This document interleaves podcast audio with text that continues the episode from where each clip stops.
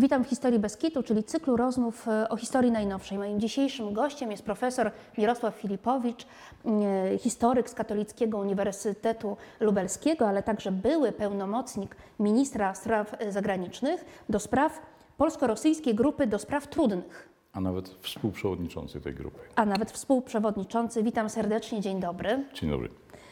Rewolucja, rewolucje w Rosji. O tym dzisiaj chciałabym porozmawiać. Dlaczego e, w Rosji carskiej nie udały się e, reformy liberalne?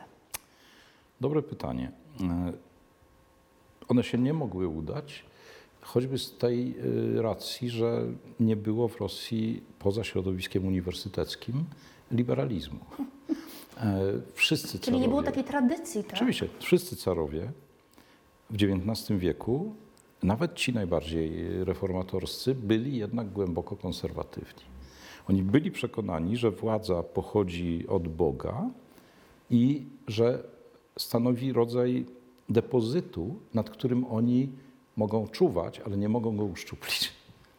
Nawet ci najbardziej y, progresywnie nastawieni, jak przez moment swego życia, nawet długi moment, Aleksander I, nawet on e, pilnował tego, zwłaszcza w, ostatnim, e, w ostatnich latach swego panowania, jako jednak pewnego depozytu mistycznego. Stąd idea świętego przymierza, stąd idea mm, jakby kontroli nad e, wszystkimi zmianami w Europie. Kto zatem objął władzę po rewolucji lutowej? Wydarzyła się rewolucja lutowa. To jest fenomenalny moment, bo to jest, szczerze mówiąc, jedna z niewielu rewolucji w historii ludzkości e, niesterowanych, niekontrolowanych To jak przez... ona się wydarzyła? Spontanicznie. Całkowicie O co w niej spontanicznie. E, Otóż to jest pewien fenomen. Ja teraz potrzebuję tego cytatu. O. Pierwszy historyk rewolucji rosyjskiej, e, amerykański dziennikarz William Chamberlain, który napisał dwutomową, fenomenalną książkę jeszcze w dwudziestoleciu międzywojennym, napisał następująco o rewolucji lutowej czy marcowej, jak wolimy, różnicę kalendarzu. E, Będę czytał po polsku. Upadek autokracji romanowych w marcu 1917 roku był jednym z najbardziej pozbawionych przywódca, spontanicznych, anonimowych przejawów rewolucji w jakimkolwiek czasie. I to jest, to jest prawda. E, Otóż o co chodzi mm, w takim, o co chodzi w takim ujęciu? Mm, Monarchia została totalnie skorumpowana, czy wizerunek monarchii bardzo ucierpiał od roku 1905. Następnie Wielka Wojna, która dawała pewną szansę w Rosji na zwycięstwa, okazało się, y, Rosję utopiła po raz, po raz kolejny. Tam były pewne sukcesy na froncie austriackim, ale na froncie niemieckim nie. I nagle okazuje się, że car wpada, Mikołaj II, na najbardziej absurdalny pomysł, jaki mógł się przytrafić, to znaczy ogłasza się naczelnym dowódcą armii.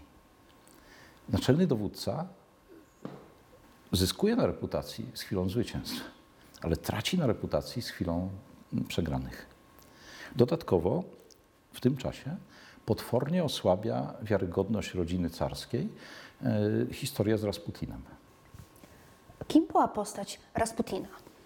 Kim był Rasputin? E, Był prostym chłopem syberyjskim, który trafił e, do klasztoru. Był mnichem prawosławnym, niewykształconym, prymitywnym i jednocześnie obdarzonym jakąś nadzwyczajną charyzmą. Wskutek tej charyzmy zaczął działać na ludzi ozdrowieńczo. A na wschodzie ten typ fenomenu jest znany wcześniej. To są liczni jurodiwi y, z okresu jeszcze bizantyjskiego czy moskiewskiego. Y, Nawet i w XX wieku pamiętamy Kaszpirowskiego, który działa y, w Przez ten telewizor. sposób. Przez telewizor, prawda? Rasputin nie znał telewizji. Otóż polegało to na tym, cały ten kontakt jego z dworem, że jedyny syn rodziny carskiej, carewicz Aleksy, cierpiał na nieuleczalną chorobę, na hemofilię, która groziła jego życiu. Y, Medycy z, całego, z całej Europy nie radzili sobie z tym, natomiast y, o dziwo ozdrowieńczy wpływ na chłopca miał Rasputin. Jak to tłumaczyć? Nie Sugestią prawdopodobnie, y, prawdopodobnie rodzajem silnej osobowości, rodzajem hipnozy, nie wiem. Medycyna nie, nie wyjaśnia tego do dziś. Fak- Faktem jest, że caryca Aleksandra uwierzyła Rasputinowi w sposób nieograniczony. Otóż mm, nie było prawdą te wszystkie y, obrzydliwe, nieprzyzwoite plotki, które na temat zachowań carycy i Rasputina krążyły. To, to jest bzdura. Nie było nic takiego. Natomiast Rasputin, y, owszem, dopuszczał się tak zwanych uzdrowieńczych orgii z jej damami dworu. Więc y, to była postać ogromnie negatywnie obciążająca wizerunek rodziny Ale także wpływowa. Oczywiście, jak najbardziej. E, Jego zabójstwo to jest fantastyczna zupełnie historia, bo w tym zabójstwie odegrali role mm, czołowe mm, znani arystokraci, jak Felix Jusupow e, i też e, znani skrajnie reakcyjni monarchiści. Powiedzmy, jak do tego doszło? Postanowiono Rasputina y, sprzątnąć jako mm, człowieka obciążającego wizerunek rodziny carskiej, jako człowieka obciążającego y, w ogóle monarchię. Y, Zaproszono go na przyjęcie do młodego Jusupowa. Ten przedstawił mu swą młodą żonę, przepiękną. Rasputin przyjął zaproszenie. Poczęstowano go ciasteczkami z cyjankiem. Jedynie pogłaskał się po brzuchu parę razy mm, i dalej funkcjonował. No więc na, dalej próbowano go zastrzelić, też bez skutku. Próbowano go podduszać, też bez skutku. Wreszcie on wypełzł z tego przyjęcia, y, krzycząc, że powiadomi cara o tym wszystkim i wtedy utopiono go w przerębli. To jest, jakby tak skończył. Nadzwyczajnie silny człowiek, oczywiście. To jest prawdziwa historia. To jest prawdziwa historia, absolutnie prawdziwa, tak. I oczywiście, y, co spotkało zabójców? Y, Tylko niełaska i zesłanie. Żadnych procesów, żadnych y, w tej sprawie mm, działań car nie podjął. Czemu? Czemu właściwie? car po cichu, wydaje mi się, nawet sympatyzował z tą ideą. Nie, nie mam na to dowodów, ale zdaje się, że uważał, że ta bliskość Rasputina y, szkodzi. No, oczywiście nie mógł pochwalić zabójstwa. No tak. Więc to było za późno. Wszystko to. Tak naprawdę nieszczęście polegało na tym, któryś z historyków napisał, że w 1917 roku y, to nie była kwestia, że mniejszość popierała cara. To była kwestia, że nikt w Rosji już cara nie popierał. Ta instytucja była jakby całkowicie sk- skreślona. W sensie PR-owskim, jakbyśmy dzisiaj powiedzieli. Otóż y, w, tam, w tamtym momencie Carat był już przegrany. Pytanie, kiedy zapadł wyrok, i w moim przekonaniu ten wyrok zapadł z tą chwilą, kiedy ginie Piotr Stołypin w 1911 roku. Ostatni człowiek, który jeszcze usiłuje stworzyć jakąś grupę społeczną, na której car mógłby oprzeć swój autorytet. To Kto miała być zabija? grupa bogatych chłopów. Zabija go teoretycznie terrorysta, ale ten terrorysta zostaje właśnie natychmiast stracony bez żadnego śledztwa. I wiele na to wskazuje, że zabiła go tak naprawdę ochrana, że to była jedna z intryg y, tajnej policji. Trudno powiedzieć, to, to jest skomplikowane to wszystko. Faktem jest, że w 1911 roku Stołypin był już człowiekiem w niełasce. Był jeszcze premierem, ale jego dni były policzone jako premiera. Faktem jest, że też głęboko symboliczny moment, bo on zginął w Kijowie w operze. I mm, w trakcie tego, tego, tego przedstawienia został zabity przez zamachowca, zastrzelony, czyli raniony, śmiertelnie raniony, zmarł potem w szpitalu. Y, A tytuł opery y, nazywał się Życie za cara. Bardzo symboliczna sprawa. Tak. I nagle wydarza się rewolucja, której nikt nie steruje, tak. Mhm. Tak. Jak to możliwe? I- co to w Otóż ogóle za możliwe. fenomen? Nie, możliwe. To, jakiś jest- fenomen, prawda? Oczywiście, car jest poza stolicą z wojskiem. Wojsko przestaje słuchać cara. Wychodzą na ulicę ludzie masowo. Przeciwko czemu oni protestują? Przeciwko klęskom wojennym, przeciwko upadkowi wizerunku Rosji, ale też przeciwko warunkom życia. e, No właśnie, powiedzmy, jakie warunki były wówczas y, takie, życia takiego normalnego, Okej, y, zwykłego człowieka? To jest jakby bardzo trudne pytanie, bo to zależy jaki jest punkt odniesienia. Zawsze. To, to, to nie są rzeczy obiektywnie mm, istniejące. Otóż mm, trzeba powiedzieć, że Rosja przed I wojną światową przeżywała niezwykle silny wzrost gospodarczy. Doświadczała niezwykle silnego wzrostu gospodarczego. Otóż y, zamożność państwa rosła, ale to się nie przekładało na zamożność całego społeczeństwa.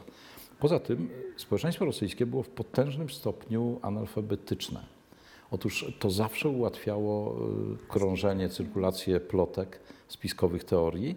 To trudno było sprawdzać i to było społeczeństwo szalenie mm, jakby podatne na y, rodzaj propagandy, na rodzaj sterowania. Wojna nigdy nie doprowadza do dobrobytu. Ona doprowadza, być może nakręca gospodarkę państwa, ale ludzie, ludzie, społeczeństwo zawsze na wojnie tracą. Raz, że ginęli, dwa, że ci, którzy walczyli, nie pracowali normalnie, trzy, że mm, jakby gospodarka była inaczej funkcjonująca w czasie wojny. Więc y, warunki, powiedzmy tak, w historii reputację monarchii czy władzy może poprawić krótka wojna wygrana. To tak. Rosja miała nadzieję na taką krótką wojnę wygraną w 1904 z Japonią. Były takie hurra optymistyczne prognozy typu zarzucimy Japończyków czapkami. Nic takiego nie miało miejsca. Rosja ucierpiała wizerunkowo na tej wojnie i oczywiście ucierpiał wizerunkowo car. Jasne. W 1917 to było jakby już za daleko. Ta wojna trwała zbyt długo. Ta wojna nie dawała perspektyw szybkiego zakończenia. I co więcej, w wielkiej imperialnej Rosji ujawniła również kwestie narodowościowe, aspiracje narodowościowe. I okazało się, że to imperium pęka w szwach. Car, który miał zszywać to imperium, okazał się jego grabarzem.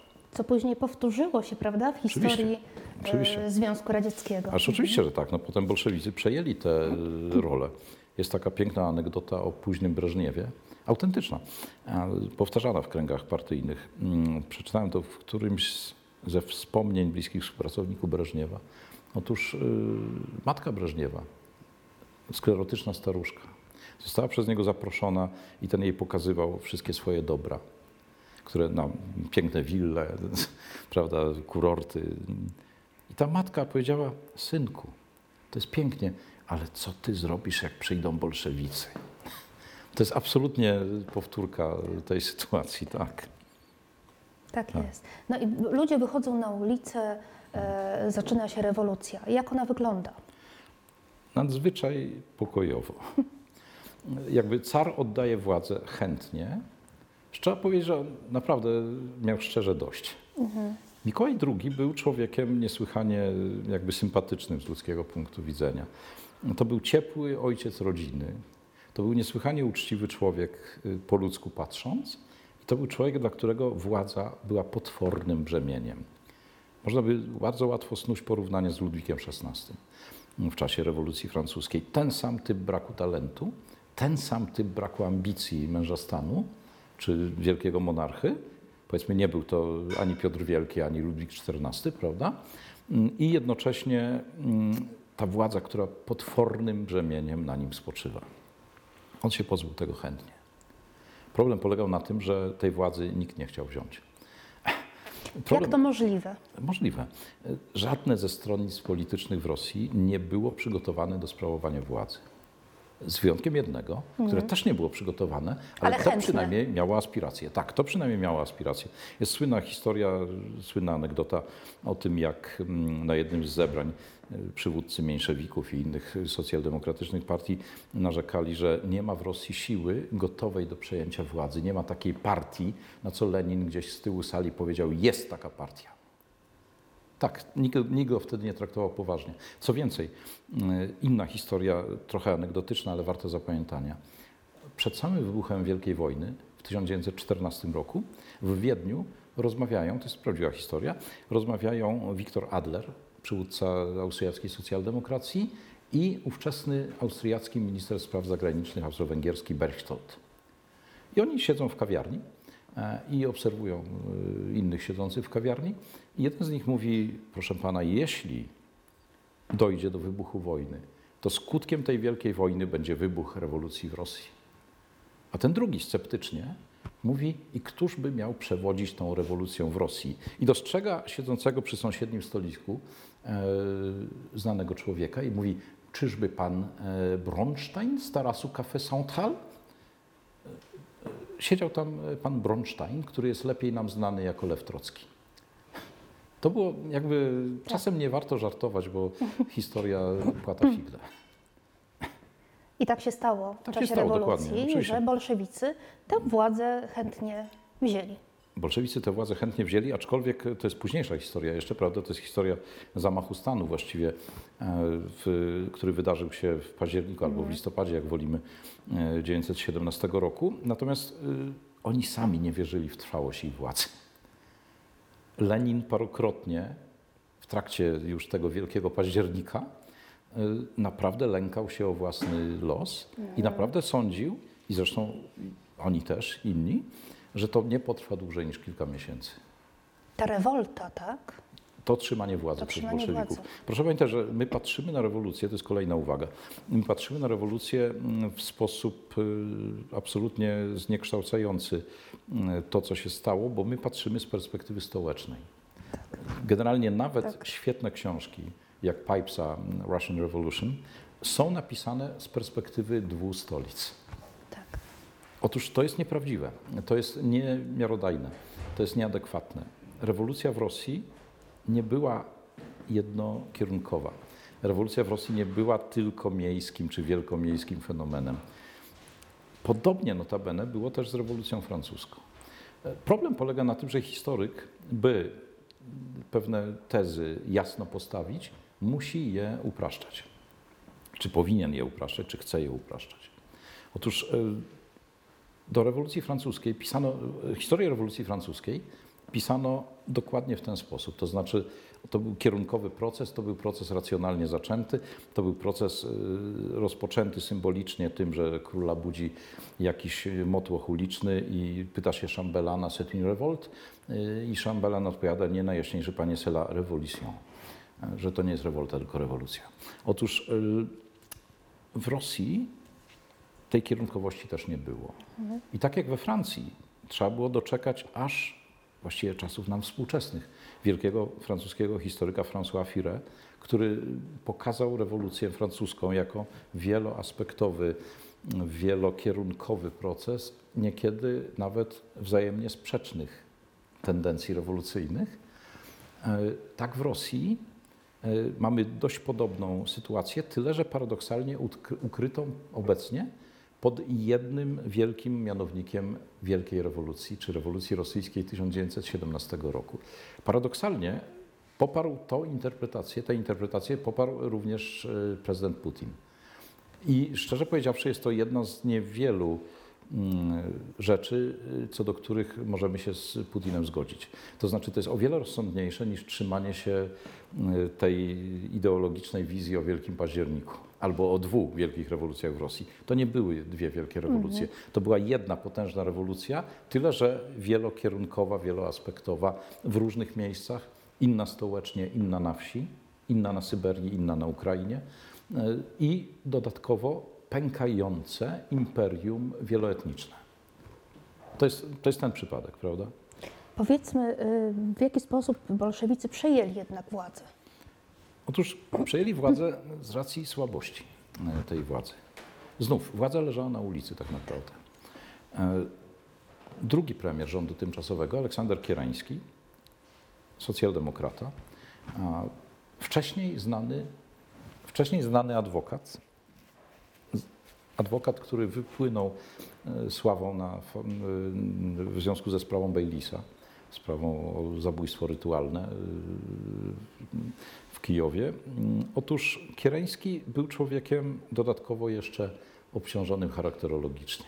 Znaczy węszył wszędzie spiski, miał, był megalomanem.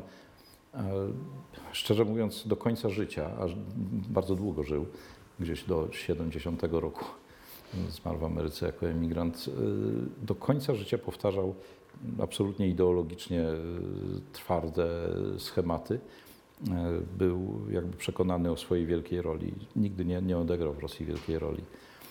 E, Są genialne wspomnienia Karola Wędziagowskiego o tych czasach w rewolucji, o jego spotkaniu z Kierańskim też, ale też o Borysie Sawinkowie z tego czasu. Fenomenalna książka, która pokazuje atmosferę tego, co się tam wtedy działo. E, Władza leżała na ulicy i bolszewicy byli jedyni, którzy byli skłonni dokonać tego zamachu stanu, bo byli przygotowani. Wszyscy inni byli przygotowani siłą woli, ale nie y, logistycznie. Wszyscy inni mieli zbyt wiele zahamowań, albo byli zbyt jakby realistami, bali się tego. Lenin się nie bał. Jeśli chodzi o cudze życie, Lenin zawsze był odważny. Jeśli chodzi o swoje, nie. Może to jest dobry moment, żeby powiedzieć, co się stało z rodziną carską. To jest niestety smutna historia. To znaczy, najpierw cara oczywiście pozbawiono tronu i internowano. Znaczy, był rodzajem honorowego więźnia. Car wtedy myślał o opuszczeniu Rosji. Nawet zaczęto go namawiać, że to jest zbyt niebezpieczne. Trzeba pamiętać, że on był spokrewniony z kilkoma monarchami. Poza tym, że był spokrewniony z Wilhelmem II, e, który, z którym toczył wtedy wojnę, ale prywatnie przecież się uwielbiali, e, to był spokrewniony również z angielskim królem. Czy te monarchie. y, te monarchie nie kiwnęły palcem. W, że, że Wilhelm II nie kiwnął palcem, to się nie ma co dziwić, bo był Tak. przywódcą kraju, z którym Rosja była w wojnie. Ale, Ale że, Anglia? że Anglia to niestety obciąża ich i to obciąża ich bardzo smutno. Ale czy to była w ogóle w Mikołaju taka wola opuszczenia Rosji? Woli może by nie było, ale gdyby była okoliczność, to, to był, byłby sposób na ratowanie jego życia. Rodziny. Oczywiście tak. Rodziny. To nie tylko ta bezpośrednia rodzina, również inni wielcy książęta, wszyscy Tak. zostali wyrżnięci. Rzecz zupełnie potworna. I znów ciekawe, kto usiłował uratować jednego z wielkich książąt, historyka domu carskiego. E, Borys Sawinkow, który był wcześniej przecież terrorystą dokonującym zamachu na tego typu ludzi. On w 18 roku próbuje ratować. Czemu? Bo uważa, że jakby taka jest przyzwoitość. Uważa, że obecnie oni już nie stanowią zagrożenia. Obecnie jego zadaniem jest ratować ludzkie życie tam, gdzie bolszewicy zagrażają temu życiu. Bolszewicy przejmują władzę. Jaka jest ich e, idea? Ja- ja- Jak oni widzą e, Rosję? Otóż y, jest coś fenomenalnego w tej idei, bo mm, to jest jednocześnie odwrócenie znaczeń i jednocześnie mm, jakby deklarowanie rzeczy, które robią dokładnie odwrotnie. Y, unieważnienie, przykłady. unieważnienie traktatów rozbiorowych. Oczywiście y, Imperium Rosyjskie się rozsypuje etnicznie. I teraz bardzo pięknie brzmi to uzależnienie, to unieważnienie traktatów rozbiorowych dawnej Rzeczypospolitej, ale jednocześnie to nie jest przyzwolenie na powstanie niepodległej Ukrainy czy niepodległej Polski. Nie. To jest przyzwolenie na to, w domyśle, że za chwilę światowa rewolucja spontanicznie te narody znów zbierze. I mamy konsekwencje 20 roku, prawda? To, to jest mniej więcej to. Na przykład y, ziemia chłopom. Jaka ziemia? Jakim chłopom? Ziemię chłopom próbował dać Stołypin, którego zabito w 1911 roku. Bolszewicy nie dawali ziemi chłopom. De- choć deklarowali- tworzyli, bolszewicy deklarowali, mm, tak. tworzyli wspólnoty. Znów dłuższa historia, bo przecież car Aleksander II, gdy dokonywał reformy uwłaszczeniowej w 1861 roku, Przecież on w większości terytorium y, Imperium Rosyjskiego nie przekazał ziemi chłopom indywidualnym, przekazał ziemię y, kolektywom, obszcinom. To dlatego moim zdaniem potem y, kołchozy przyjęły się w Związku Radzieckim o wiele bardziej łatwo niż na przykład w Polsce. Była tradycja. Jakie w, y, y, rozum- rozumiem, że bolszewicy przejęli władzę i rozpoczął się terror. Że to też była jedna z. To, był, to była krótka fala terroru. Aha. To znaczy, to, to nie jest ten terror, musimy znów rozróżniać, który czeka Związek Radziecki w 30 latach za Stalina. To jest coś zupełnie innego. Terror był wtedy przez nich usprawiedliwiany okolicznościami wojny. Państwo było, państwo bolszewickie, czy rząd bolszewicki był zagrożony. Otóż y, dla dobra tego y, porządku nowego przyjęto, że należy jakoś y, eliminować przeciwników. Stalin też usprawiedliwiał terror. Jakby. Natomiast to był troszkę było- inny, Oczywiście. to był inny terror. A jakie formy tego terroru mamy? No, Felix Dzierżyński i jeszcze paru Łotyszy tworzą yy, Czerwyczajkę, czy Centralną Komisję do walki z yy, reakcją. Otóż yy, to jest terror yy, polegający na aresztowaniu, zastraszaniu jak największej liczby ludzi i to jest terror polegający na szybkich, masowych egzekucjach. Otóż y, te rzeczy Rosja znała. Notabene Stołypin też nie słynął z gładkich y, metod wobec rewolucjonistów, bo przyjął, że najlepszą metodą jest zastosowanie krawatów stołypinowskich, czyli stryczków. To ich miało eliminować. Więc y, tak naprawdę to w rosyjskiej nic tradycji... nowego. Tak, tak, to, to nie robiło wrażenia. Jeszcze wtedy, do początków powiedzmy sobie lat, powiedzmy do połowy lat 20., jest możliwa pewna, no nie chcę powiedzieć liberalna, bo to nie jest liberalna, ale jest możliwy pewien kurs, który zakłada niezabijanie przeciwnika. Jest słynna ekspulsja intelektualistów z Rosji, paruset intelektualistów, których wsadzono na statek i wysłano do Niemiec w 22 roku. Za tym stał, zdaje się, Łunaczarski, że ich nie zabito, tylko, tylko wysiedlono. To wtedy była potworna zbrodnia, takie wysłanie z ojczyzny, wy- wyrzucenie z ojczyzny ludzi, ale pomyślimy sobie, że gdy, gdyby oni tam zostali, to nie żyliby Tak. następnie, więc to były te metody bolszewickie. Za NEP-u potem w ogóle się zrobiło łagodnie, Powiedzmy, co to, jest, co to był NEP. nowa polityka ekonomiczna. Znów, wyjaśnienie tego powinno y, nastąpić w kontekście tego, co, czym wcześniej była mm, Rosja i co się dokonywało w gospodarce rosyjskiej. Otóż po pierwsze, to był kraj naprawdę szybko rozwijający się gospodarczo, który, co więcej, jeszcze przed I wojną światową otrzymał wreszcie pierwszą sieć porządnych dróg i te porządne drogi to były koleje żelazne. Koleje, które były i w Stanach Zjednoczonych w drugiej połowie XIX wieku takim, taką dźwignią rozwoju i okazały się dźwignią rozwoju również w Imperium Rosyjskim. Potem wojna tę gospodarkę inaczej ukierunkowuje, ale ona dalej y, jest bardzo szybko nastawiona. I potem przychodzi paraliż zupełny, bo nagle przychodzą bolszewicy i zaczyna rządzić w jednej czy drugiej fabryce nie właściciel, tylko komisarz partyjny.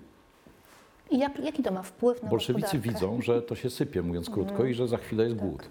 I zaczyna się głód, pierwotnie w miastach. Otóż wtedy uwolnienie tej gospodarki powoduje, że jakby podstawowe problemy może nie znikną, ale naprawdę łagodnieją. I to powoduje, że wreszcie mm, Rosjanie zaczynają żyć troszkę, troszkę lepiej. Jeśli Państwo przeczytacie Michaiła Bułhakowa, Mistrza i Małgorzaty, to jest ilustracja y, Rosji z czasów NEP-u. Czy bolszewicy mieli jakąś opozycję? Mieli. Mieli. I co ciekawe, wśród oponentów bolszewików byli właściwie najwięksi rosyjscy rewolucjoniści. Przeciwnikiem bolszewików była Róża Luksemburg, tyle że szybko zginęła. E, I to nie w Rosji, a w Niemczech. Przeciwnikiem bolszewików był największy rosyjski filozof marksista, to znaczy Plechanow. On był przeciwnikiem bolszewików. On umiera wkrótce po rewolucji śmiercią naturalną. Co więcej, przeciwnikiem bolszewików była najsłynniejsza terrorystka rosyjska Wiera Zasulicz, wcześniej autorka zamachu na y, gubernatora Trepowa. Ona osiadła w Rosji, wtedy niekaralna już, prawda, po rewolucji, i ona, dokarmiając swoje koty i rozmawiając z Plechanowem, absolutnie krytycznie patrzyła na bolszewizm. I też zmarła. Jakby ci, którzy przeżyli, albo siedzieli cicho, albo dołączyli do bolszewizmu. Były obciążające papiery na wielu. Przykładowo, e, słynny potem prokurator e, Andrzej Wyszyński e, był, miał epizod mniejszewicki w, swojej, w swoim życiorysie. Dlatego był potem tak gorliwy, bo Tak lojalny? jakby, a, a, absolutnie. Naj, najbardziej jakby znany historyk doby Stalina, Jewgenij Tarle, wielki napoleonista, też świetnie wiedział, że jest na niego poważny argument, poważny atut. y, Mianowicie w 1918 roku miał nieszczęście wydać książeczkę w Petersburgu w 18 pod tytułem Zapad i Rosja Zachód i Rosja, dedykowaną, uwaga, męczeńskiej pamięci dwóch zamordowanych y, przywódców kadeckich. Szyngariowa i Kokoszkina. Tak. Oczywiście ten druk przetrwał. To ja mam w swojej bibliotece ten druk. A co, co mówić y, o z- aparacie w Związku Radzieckim? Inny przypadek, też ciekawy. Największy historyk y, Rusi Kijowskiej, Borys Grekow. Poważny uczony za czasów bolszewickich. Pisał wyraźnie w strachu, dlatego że wiedział, że Stalin pamięta. Kim był Borys Grekow w 1918 roku? Był profesorem Uniwersytetu Tauryckiego, założonego przez Wrangla na Krymie. Za samą pracę w tym uniwersytecie y, miał wyrok śmierci. Murowany. Musiał być lojalny. I stąd interpretacja Grekowa. Stąd, gdy cały czas potępia teorię normańską, odcina się od niej, bo teoria normańska, teoria, że Waregowie założyli państwo ruskie, mm, czyli Skandynawowie, mm, to jest teoria, z którą Stalin walczył do 1939 roku. Po zawarciu traktatu Ribbentrop-Mołotow Borys Grekow og- ogłasza, że jednak jest dużo słuszności w tej teorii normańskiej. I ta słuszność teorii normańskiej, oczywiście pod dyktando Stalina, jest deklarowana do czerwca 1941 roku, kiedy znów teoria normańska staje się e, fałszywym, e, fasz, faszystowskim, e, fałszywym tropem w interpretacji historii. My Jak- możemy łatwo oceniać Grekowa i nie powinniśmy tego robić, dlatego że nikomu z nas pistoletu do głowy nie przystawiano. Uczeni w Polsce dzisiaj pracują w warunkach nawet, no, powiedzmy sobie, państwa nieprzyjaznego, państwa opresyjnego nie, niejednokrotnie. Uczeni pracują z tą dozą wolności, nasze życie nie jest zagrożone, nasza odwaga nie jest tak droga. Oczywiście. Nawet To- nie ma co porównywać. Oczywiście, że tak. Tyle. Jak oceniać bolszewików? Ha. Dobre pytanie. I znów niełatwe. Ja nie wiem, jak będzie oceniona ekipa bolszewicka, czy ekipy bolszewickie e, za 100 lat. Nie potrafię tego przewidzieć. Ale dam jeden przykład. E, Jest taka niewielka książeczka, chociaż bardzo interesująca, historyka o niemieckich korzeniach von Laue. Jego ojciec był noblistą znanym. E, On napisał niewielką książkę, niezwykle inteligentną. e, Why Lenin, why Stalin? Dlaczego Lenin, dlaczego Stalin? E, I stawia tam tezę, którą przy pierwszej lekturze doprowadziła mnie do dreszczy e, sprzeciwu. E, Stawia mianowicie tezę, że zbrodnie stalinowskie, wszystkie te miliony ludzi, były poważną, acz niewygórowaną ceną za proces industrializacji i za proces y, alfabetyzacji Rosji. To jest, to jest teza stawiana na zimno, ale to jest teza jednocześnie dzisiaj wywołująca wielki sprzeciw. Kto z nas dzisiaj protestuje przeciwko y, ofiarom ludzkim przy budowie piramid? Patrzymy na te piramidy, jesteśmy zachwyceni. Ja nie wiem, jaka będzie interpretacja historii za 100, za 150 lat. Trudno mi powiedzieć. To jest jakby wstęp do tego, jak, jak ocenić bolszewików. Druga rzecz. To jest formacja, która utrzymała się u władzy bardzo długo. My często porównujemy Hitlera i Stalina. My często porównujemy nazizm niemiecki i komunizm rosyjski. Mm, To jest nietrafne porównanie z jednego powodu. Naciści byli u władzy w Niemczech przez 13 lat. A tutaj to trwało. To dziesięciolecia. Tak. Przecież gdy upadał Związek Radziecki, było niewielu żywych, pamiętających początki Związku Radzieckiego. Przecież za Führera wszyscy pamiętali, co się zaczęło. To, to było krótkie. To było też przeorane potem. Tego nie było, tego procesu w ogóle nie było i do tej pory nie było w Rosji po upadku Związku Radzieckiego. Nikt nie przeprowadził pracy ze świadomością, nad świadomością. Nikt nie przeprowadził pracy nad sumieniem, nad rozliczeniem. Takie inicjatywy były podejmowane jeszcze za Putina, aczkolwiek nie popierane przez niego. To były inicjatywy z kręgów y, ośrodków pozarządowych, NGO-sów. I te inicjatywy zostały właściwie dzisiaj zabite razem z memoriałem, razem z y, wszystkimi innymi organizacjami pozarządowymi oskarżonymi o bycie agentami zagranicznymi.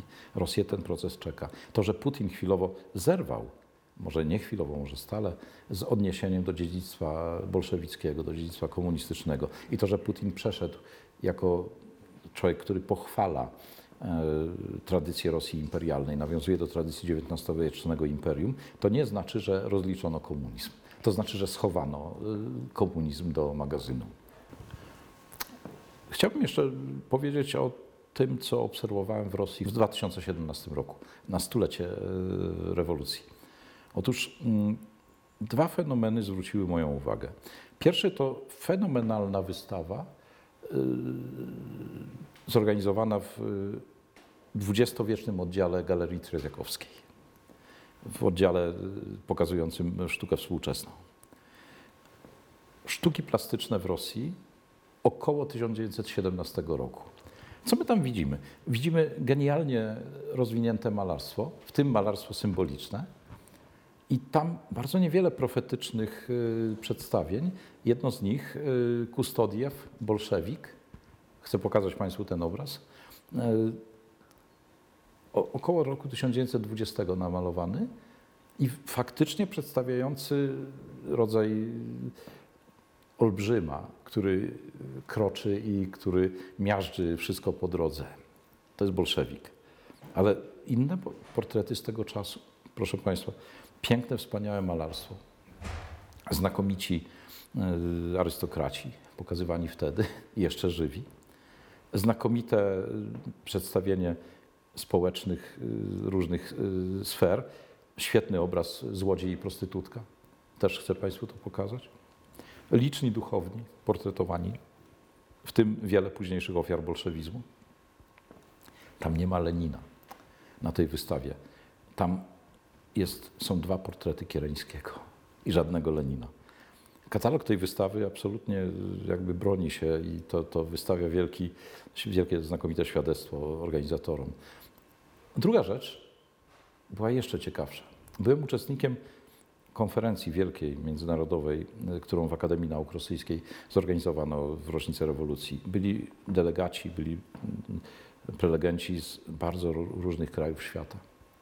Otóż tylko jedna delegacja z uporem maniaka wracała do tradycji i mówiła w każdym wystąpieniu wielka socjalistyczna rewolucja październikowa. To była delegacja chińska. Wszyscy inni mówili o wielkiej rewolucji rosyjskiej 1917 roku. Rosyjscy uczeni mówili o wielkiej rewolucji 1917 roku. Oficjalny autor podstawowych książek wtedy o rewolucji, właśnie w tym kierunku idących, w kierunku jednej wielkiej rewolucji, Aleksander Szubin, nasz dobry kolega, był jednocześnie człowiekiem, y, jakby, którego policja putinowska aresztowała raz na parę tygodni, y, bo był anarchistą, chodził na demonstracje. Z jednej strony występował w telewizji i jego książki były powszechnie zalecane, z drugiej strony siedział w więzieniu czy w areszcie jako anarchista demonstrujący. To jest, to jest cały No, paradoks to jest tego bardzo czasu. rosyjskie. Tak, to jest cały paradoks tego czasu. Ale warto o tej wystawie wspomnieć i o tej delegacji chińskiej, bo Chińczycy mówili wprost: Wyście zapomnieli, ale my pamiętamy o wielkiej socjalistycznej rewolucji październikowej. Dziękuję za rozmowę. Dziękuję. Rozmowy odbywają się dzięki Towarzystwu Edukacji Obywatelskiej o historię. Jak zawsze zapraszamy do subskrybowania naszego kanału YouTube, a także polecamy podcasty na Spotify i Apple Podcasts. Oczywiście wszystko pod nazwą Historia Beskitu.